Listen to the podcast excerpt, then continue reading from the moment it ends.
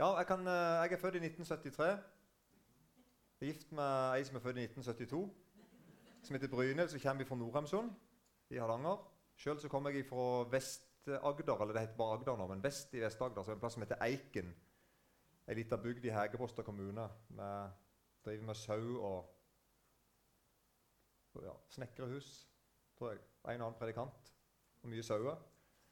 Um, og um, jeg er far til tre. En, en, på 22 år, en på 20 år og en på 15 år. Han på 15 bor fortsatt hjemme. Og De siste tre årene tenker jeg, så har jeg, eller kanskje fire, så jeg vært med på noe som heter Logos bibelundervisning. Vi begynte på, Jeg en som heter Eilert Fredelig. Han er forresten bror til Rudolf Fredelig, som er på Vea. Fun fact for de som er interessert. Um, skjønner ikke hva jeg sier, forresten? Ja?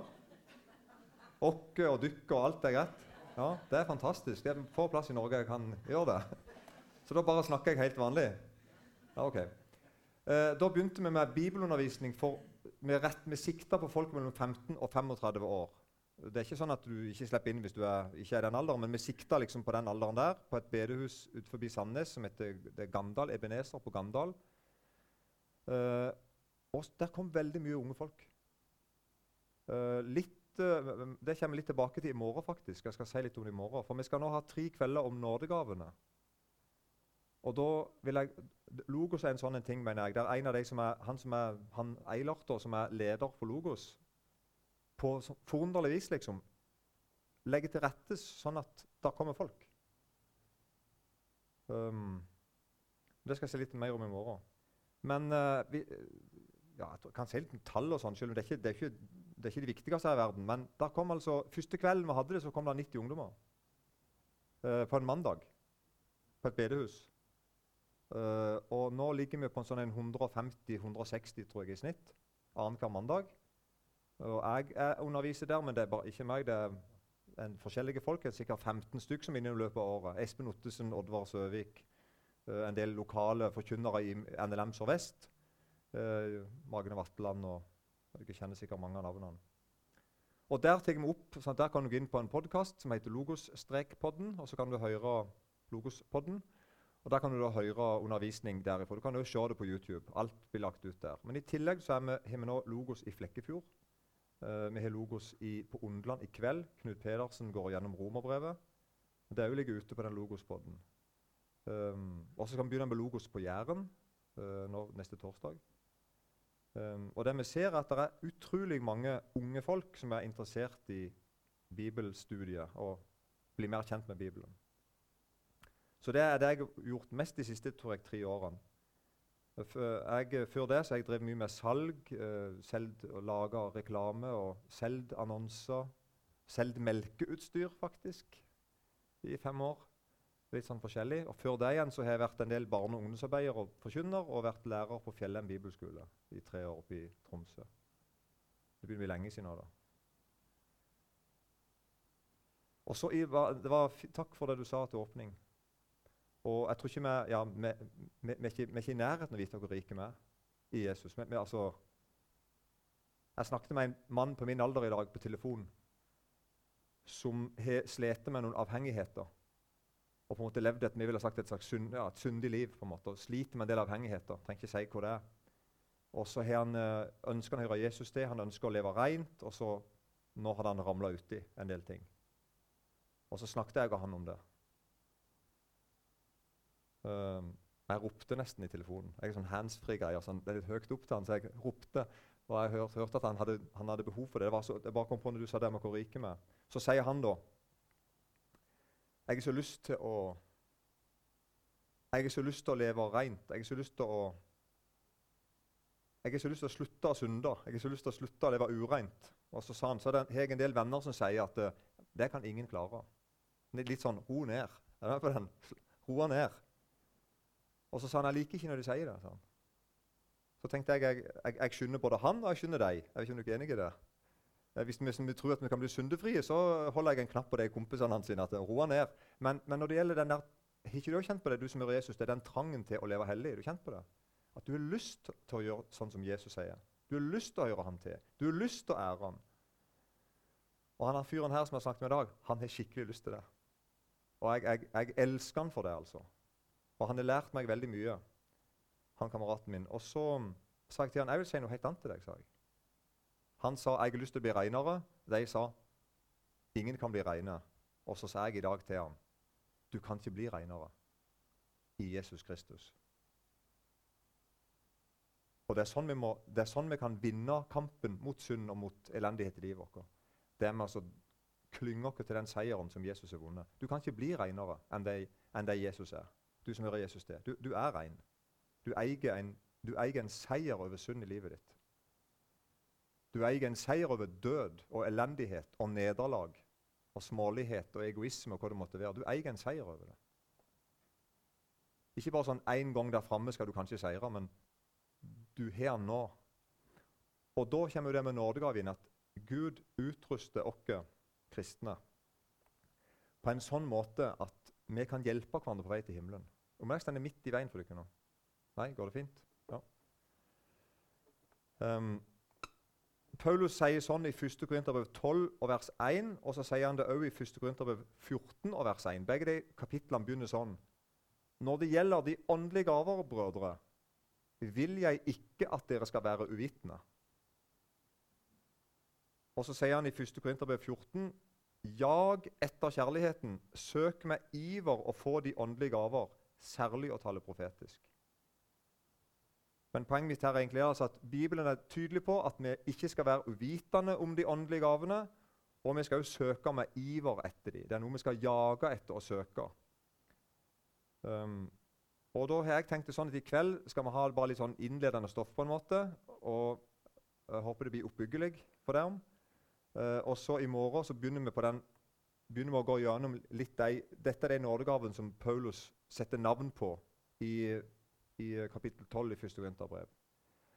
Og så tar vi en del av det i morgen, og så tar vi eh, de siste på fredag. Så det blir tre dager etter hverandre nå. Og det er sånn at Om ikke du kan komme alle tre kveldene, så håper jeg at det henger litt på greip for deg. om altså. Så du kan komme alle tre kveldene og høre noe nytt hver kveld, og du kan komme en av kveldene og håper jeg du kan gå ut litt klokere når du kommer inn. Kjære Jesus, vær her fortsatt med Din Hellige Ånd. Takk for det vi ble minnet på i åpning.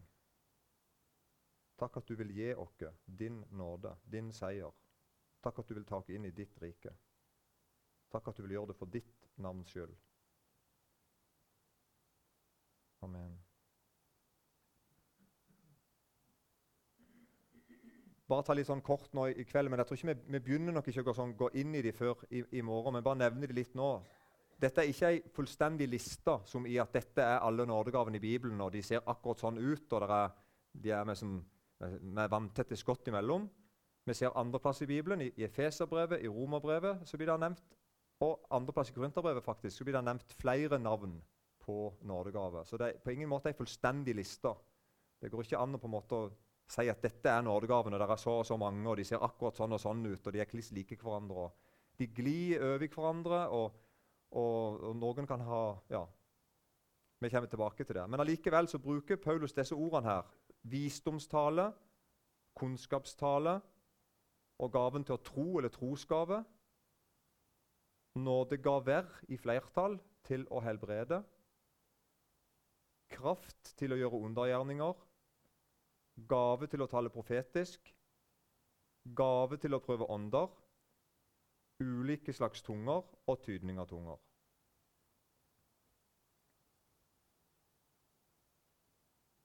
Så det, det, skal vi gå gjennom, særlig i morgen og på fredag. Litt sånn hvordan ser de ut, og hva kjennetegner de forskjellige? og Hvordan opplever de å ha sånne gaver? Men bare for å begynne en plass, for vi som har en case, en situasjon Dette er en, ikke en, dette er ikke en, uh, en, hvilken som helst situasjon. Dette er en typisk situasjon for, jeg, for en del predikanter. Jeg er predikant nå for tida, og jeg har opplevd rett som det er, uh, noe som ligner på dette. Dette er fra en helt spesiell situasjon som skjedde for halvannet år siden. Jeg satt, hadde, hadde talt på et møte Helt greit, vanlig møte. Uh, og gikk og sette meg. Uh, og så ble ordet gitt fritt, og et par stykker sa noen helt, sånn, helt greie ting. Og så reiste seg en eldre mann og vitna. Eller var det det han gjorde? jeg fikk sånn en dårlig magefølelse. er det ikke meg? Altså det ble sånn klein stemning, eller hva, hva som skjedde nå? Vitna han?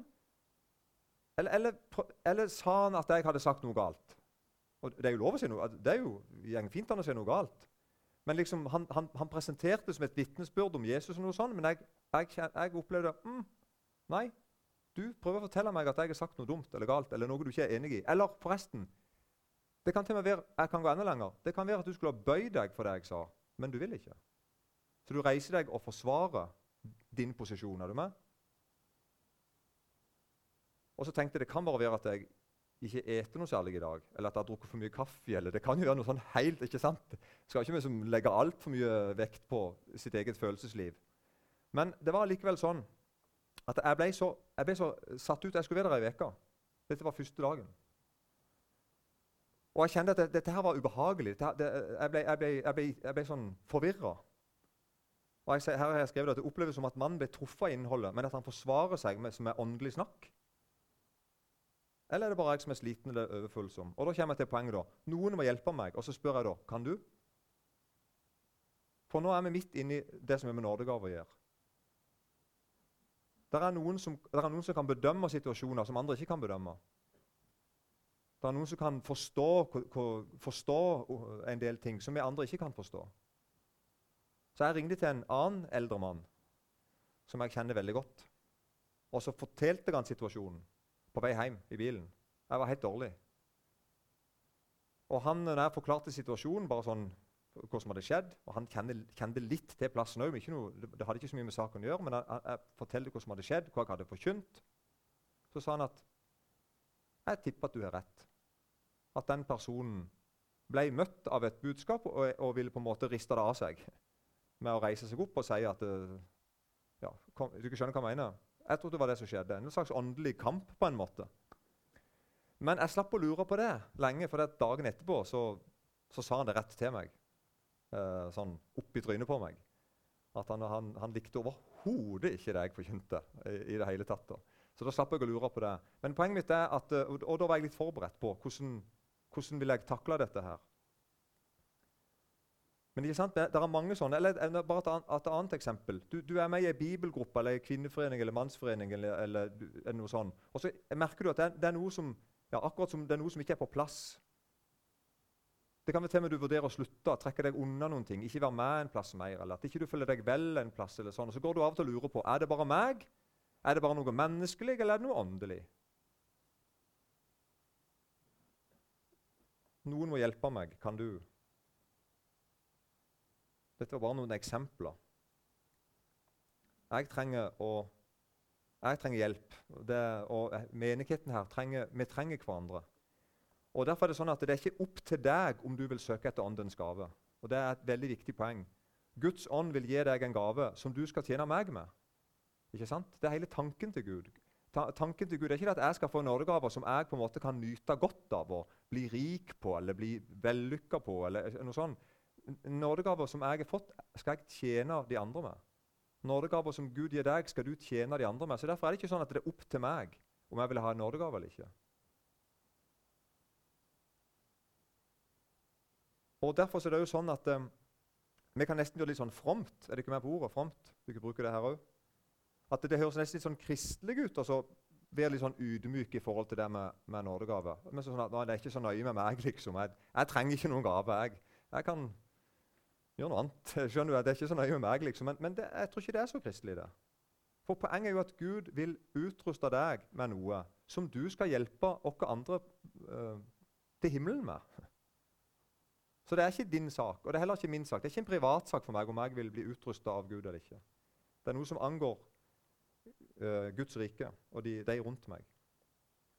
Derfor så ønsker jeg at vi nå kan i kveld og de andre dagene at vi kan på en måte lære noe som i at vi forstender noe, at det er noe vi kan sette i gang med. Og Det viktigste ønsket mitt er at du må høre Jesus til, for da har du Guds ånd. Og så må vi se at Guds rike er et seiersrike. og det, det er så rart. Der, Guds rike er et seiersrike, og så bestemmer det sånne som meg og deg. Ikke sant? Men det det er, sånn Gud har gjort det. Det er vi som hører Jesus til, som er hans sitt rike her på jord. Det er vi som Ja, Veldig rart. Og Derfor er sånn at Jesus kaller alle. Jesus kaller alle kristne til å være, til å være med i arbeidet i Guds rike. Her er bare et eksempel fra Matteus 4 og et par vers der i 18-20. Matteus 4, 18-20. Så står det sånn, Da han vandret langs Galileasjøen, fikk han se to brødre, Simon, som kalles Peter, og hans bror Andreas. De var i ferd med å kaste not i sjøen, for de var fiskere. Han sier til dem, 'Følg meg, så vil jeg gjøre dere til menneske, menneskefiskere.' De forlot da straks garna sine og fulgte ham. Her er poenget mitt egentlig først og fremst vers 19. Jesus sier til disse to fiskerne, 'Følg meg, så vil jeg gjøre dere til menneskefiskere.' Så det er egentlig ikke sånn at jeg har det i meg. Gud går ikke og leter, Jesus går ikke og leter opp du som på en måte har det i deg. Ja, du har et fint etternavn, eller en fin CV, eller en bra utdanning. eller er du?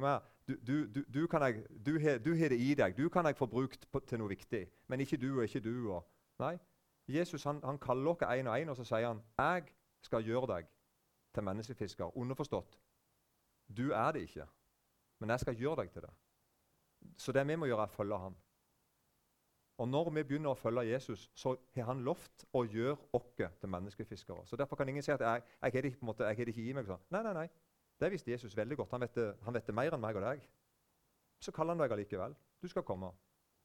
Og jeg skal gjøre deg til menneskefisker. Og Derfor er det sånn at hvis du lurer på hva du skal gjøre, eller hvis du lurer på du kan, hvordan du kan vite at det er akkurat dette eller dette du skal gjøre, så er det en viktig ting i Bibelen. Gud spør ikke om du er oversikten. Når Gud kaller deg til noen og gir deg det skal vi gå litt inn på hvordan gjør han det da, men når Gud kaller deg til noe og ber deg om å følge ham og tjene ham, da spør ikke han deg om du først om du på en måte er hele oversikten. Og Jeg tror ikke engang at du får hele oversikten av Gud. Han rett og slett spør om du har et villig sinn. Bare les alle i både Det, de gamle og Det nye testamentet. De som ble kalla Gud. Veldig få av de visste hvor det gikk til sånn egentlig. De, de bare følte, de, de, ga seg hen til Jesus, ga seg hen til Guds rike. Og, og, og, og, begynte å følge han, begynte å stole på han, begynte å leve sammen med han. Og hadde altså et villig sinn. Gjør deres tjeneste med et villig sinn, som for Herren og ikke for mennesker. Så ikke, Du trenger ikke ha hele vettet eller hele oversikten. Det holder lenge at du sier jeg, vil, jeg er villig Jesus, til å følge deg, til å gi meg hen til deg, til å gi meg hen i din vilje, inn, til, inn i ditt rike. Jeg er villig til å la, la deg gjøre meg til menneskefisker.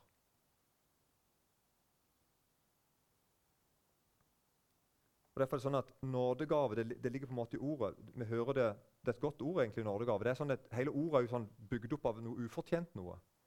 Når Gud gir deg en gave, så er det altså en ufortjent gave.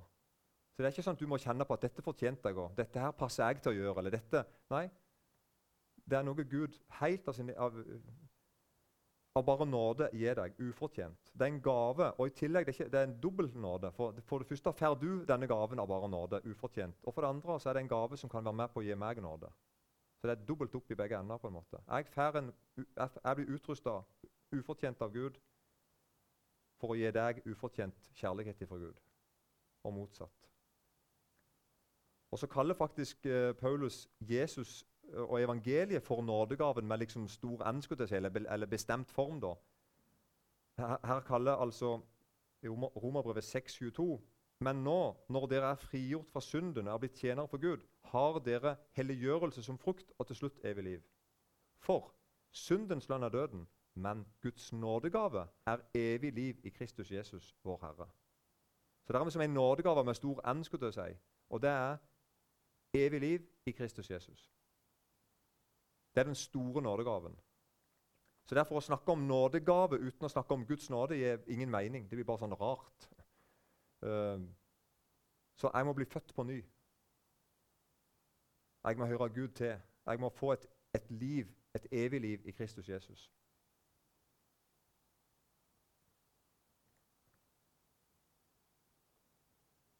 Og det er faktisk sånn I Johannes 14 så sier Jesus i Johannes 14 vers 16-18 Det er helt uh, det er helt enormt. Han, han skal trøste disiplene sine, for nå skal han snart reise ifra dem. Han prøver, han prøver med som for femte gang å forklare dem hvordan dette her henger i hop. Og de, de, skjønner det jo ikke fortsatt. Og vi, Vi forstår disiplene hvorfor ikke de skjønner det. Men så, sier han da, forteller han dem nå Jeg vil be Faderen. Altså, Jesus sier det. Guds sønn sier Jeg vil be Faderen, og han skal gi dere en annen talsmann. For at han skal være hos dere for evig. Sannhetens ånd, som verden ikke kan få, for den ser ham ikke og kjenner ham ikke. Dere kjenner ham, for han blir hos dere og skal være i dere. Jeg skal ikke etterlate dere farløse, farløse. Jeg kommer til dere. Hva er det Jesus sier her? Han sier at han skal flytte inn i deg. Fad, sønnen ber Faderen om at han må sende en annen talsmann, som skal så rett og slett siste, neste verset der, Han skal bli hos dere og skal være i dere. Du som hører Jesus til, samme hvem du er, og samme hva du mener sjøl, så sier Jesus her at du har fått en talsmann sendt fra himmelen inn i deg. Og så kommer det noe veldig rart. For når Jesus snakker videre her, så snakker han sånn Vi skjønner at det er ikke så, vi kan tenke ja, ja, kanskje det er litt av Gud. Guds ånd. Kanskje det er litt av Gud som kommer til meg. Nei, det er jo Gud sjøl. Her står det faktisk Og min far skal elske ham, og vi skal komme til ham og ta bolig hos ham. Den treenige Gud, altså.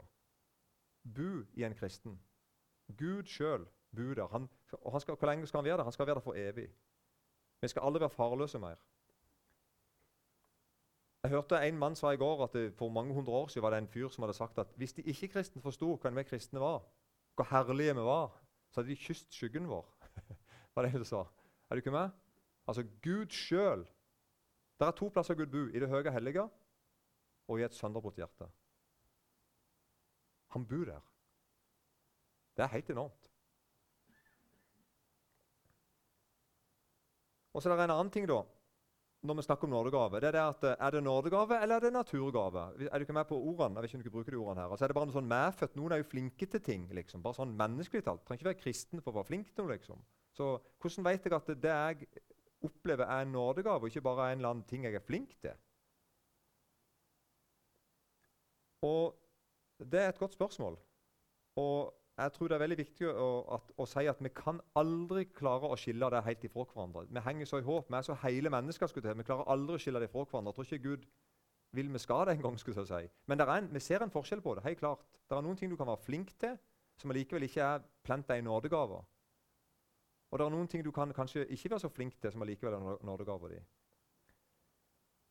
Her, men her er vi som et stikkord. da. Paulus, og Det stender mange plasser i Bibelen. dette, og Paulus snakker om de flere av brevene sine. Still heller ikke lemmene deres til rådighet for synden som våpen for urettferdighet, men framstill dere selv for Gud som de som av døde har blitt levende, og by deres lemmer fram som rettferdighetens våpen for Gud. Det vil si at jeg er hele meg og sier ikke 'her er Gud'. Her er hele meg. Her er hele min arv fra mine foreldre og besteforeldre, og, og arv fra miljø og oppvekst og, og Skjønner du ikke? Alt, hele meg. På, på, godt og vondt. Nå stiller jeg meg Jeg har to valg i dag. Jeg kan enten stille meg til rådighet for synden og bli et våpen for urettferdighet, eller jeg kan framstille meg sjøl framfor Gud og si jeg vil ikke være det. Jeg vil heller være, beby lemmene mine fram for deg, Gud, og bli, bli våpen i, i, altså, som rettferdighetens våpen for Gud. Det er de to valgene vi har. Jeg sjøl, da, jeg, ble, jeg, jeg, reist, jeg gikk på bibelskole for mange år siden. 92 for eksempel, 91 var det kanskje. Og så reiste jeg et team år etterpå. Da var vi mye i Nord-Norge.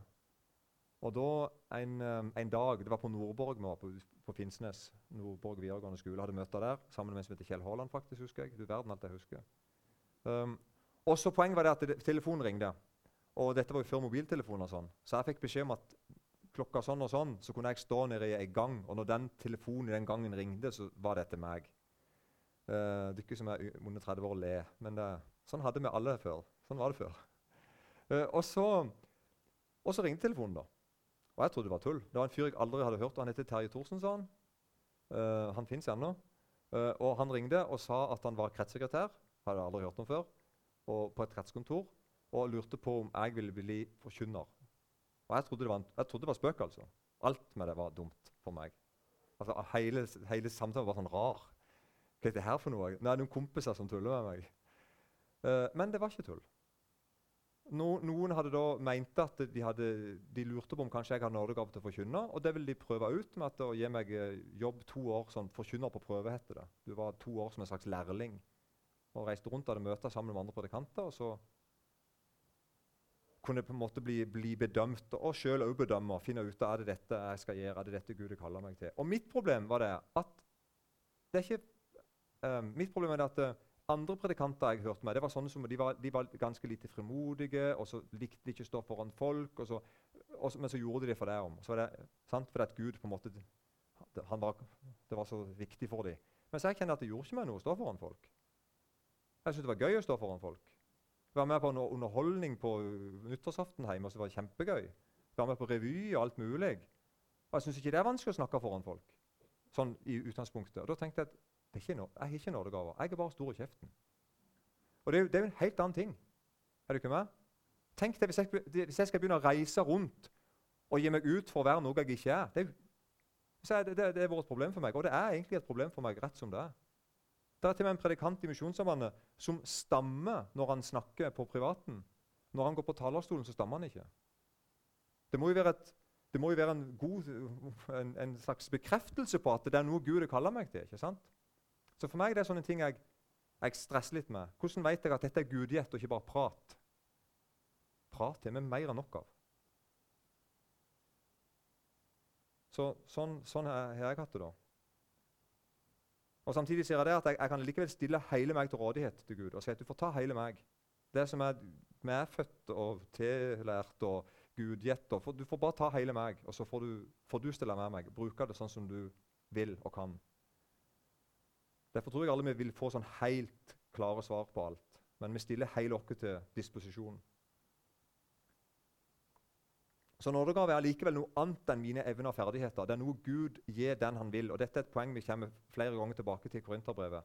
Sånn står det. Alt dette, altså alle de nådegavene som da Paulus remser opp, alt dette virker den ene og samme ånd, som deler ut til hver enkel ettersom han vil. Det er veldig viktig. For det første det er bare én ånd. Det er ingen nådegave som kolliderer med hverandre. Det er ingen, det er ingen, det er ingen sånn konflikt i Guds rike. Så når Gud deler ut nådegave, så er det den samme ånd som deler ut. Det er ingen kollisjon mellom ikke sant? Det er ingen, ingen, konkurranse i det. De er forskjellige, men allikevel det er samme ånd, det er samme Gud, og det er Han som helt suverent deler ut nådegave. Og Det er veldig viktig for Bibelen å si. Det er Gud sitt rike, ikke mitt og ditt.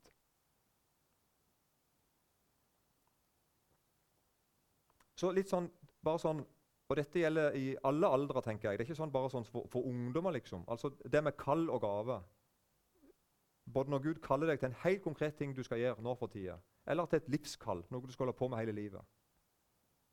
Så her tenker jeg at bare sånn noen tips Hvordan vet jeg at det er Gud som kaller meg, at det ikke bare er en idé jeg har? eller sånn? Jo, tenker jeg, når du kjenner at du kan tenke deg å gjøre noe. Når du til stadig tar deg og tenker at det, det, der kunne jeg godt ha tenkt meg å gjort. Skjønner du hva jeg mener? Da, da kan det være at det er noe Gud leder deg inn i. Du tenker at ja, men det var jo bare en tankeeffekt. Det var ikke noe sånn, var ikke noe sånn spesielt åndelig opplevelse. Nei, nei, nei, men det kan være det er spesielt åndelig for deg. At Gud begynner å banke på døra di. på en måte. Vise deg noen oppgaver som du til stadig tenker at det der kunne jeg ha tenkt å gjort noe med. De der tingene der tror jeg kunne ha gjort noe med. Eller du opplever at du, at du har en interesse for noe. Du tar deg i at det er noe som interesserer deg. Og når du snakker med andre kristne, så merker du at det er ikke helt likt. Du er litt mer interessert i det enn mange andre. Ja, Kanskje er det Gud som kaller, just på den måten.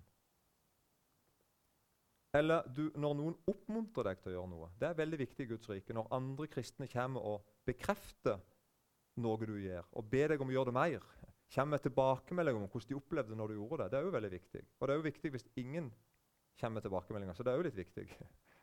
um. Eller når du ser noe du ønsker du kunne gjøre noe med. Jeg møter mange faktisk av det der nå for tida, som ser ting de kunne ønske å gjøre noe med. F.eks.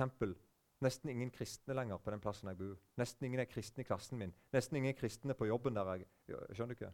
Og så er det noen som de, Det vil jeg gjøre noe med.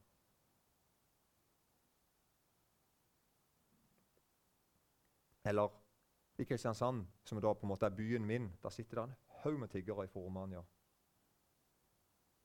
har det ikke bra i det hele tatt. Det vil jeg gjøre noe med. Mange sånne ting som du, noen bare sånn Det må jeg gjøre noe med. Eller når du stadig tar deg og tenker på noe. Det er noe som på en måte, Du kommer tilbake til det gang etter gang. kommer tilbake til. Kanskje er det Gud som på den måten banker på døra di, skulle si, kaller deg på den måten og sier 'kom, så skal jeg gjøre deg til menneskefisker'. Kanskje det, kanskje det er sånn Gud sier 'kom til deg'. Og da vil jeg si, når, hvis noe av dette her skjer, prøv det. Gjør det. Gå, gå på det.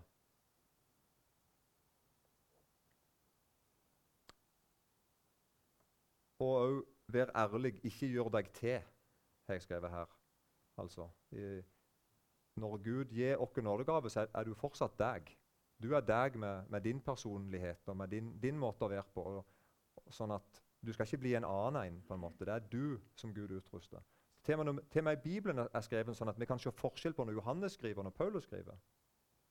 Sant? Det er Guds ånd som er drevet i aldeles. Det er Guds ord. Men vi ser allikevel ja, det er Guds ord. 100% Guds ord.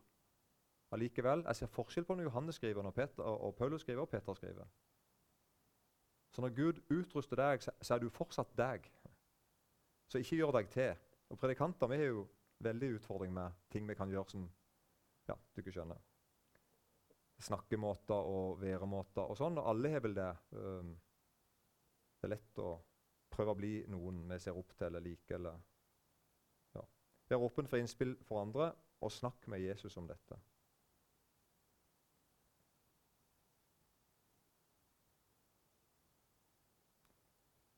Nå har jeg snakka lenge, har jeg ikke det? Tror du holder det? Nei, gjør det. Jeg tror det er nok nå. Jeg tror vi stopper der. Kjære Jesus, velsigna det jeg har sagt. Og se til folkene her. Be om at du må få lov til å kalle dere. Ikke bare én gang for lenge siden eller én gang av og til, men at du, du til stadighet kommer og kaller dere, og at vi følger deg. Takk, Jesus, at det har vært mange som har vært lydige mot deg, og som har vist meg Jesus. Vist meg deg. Amen.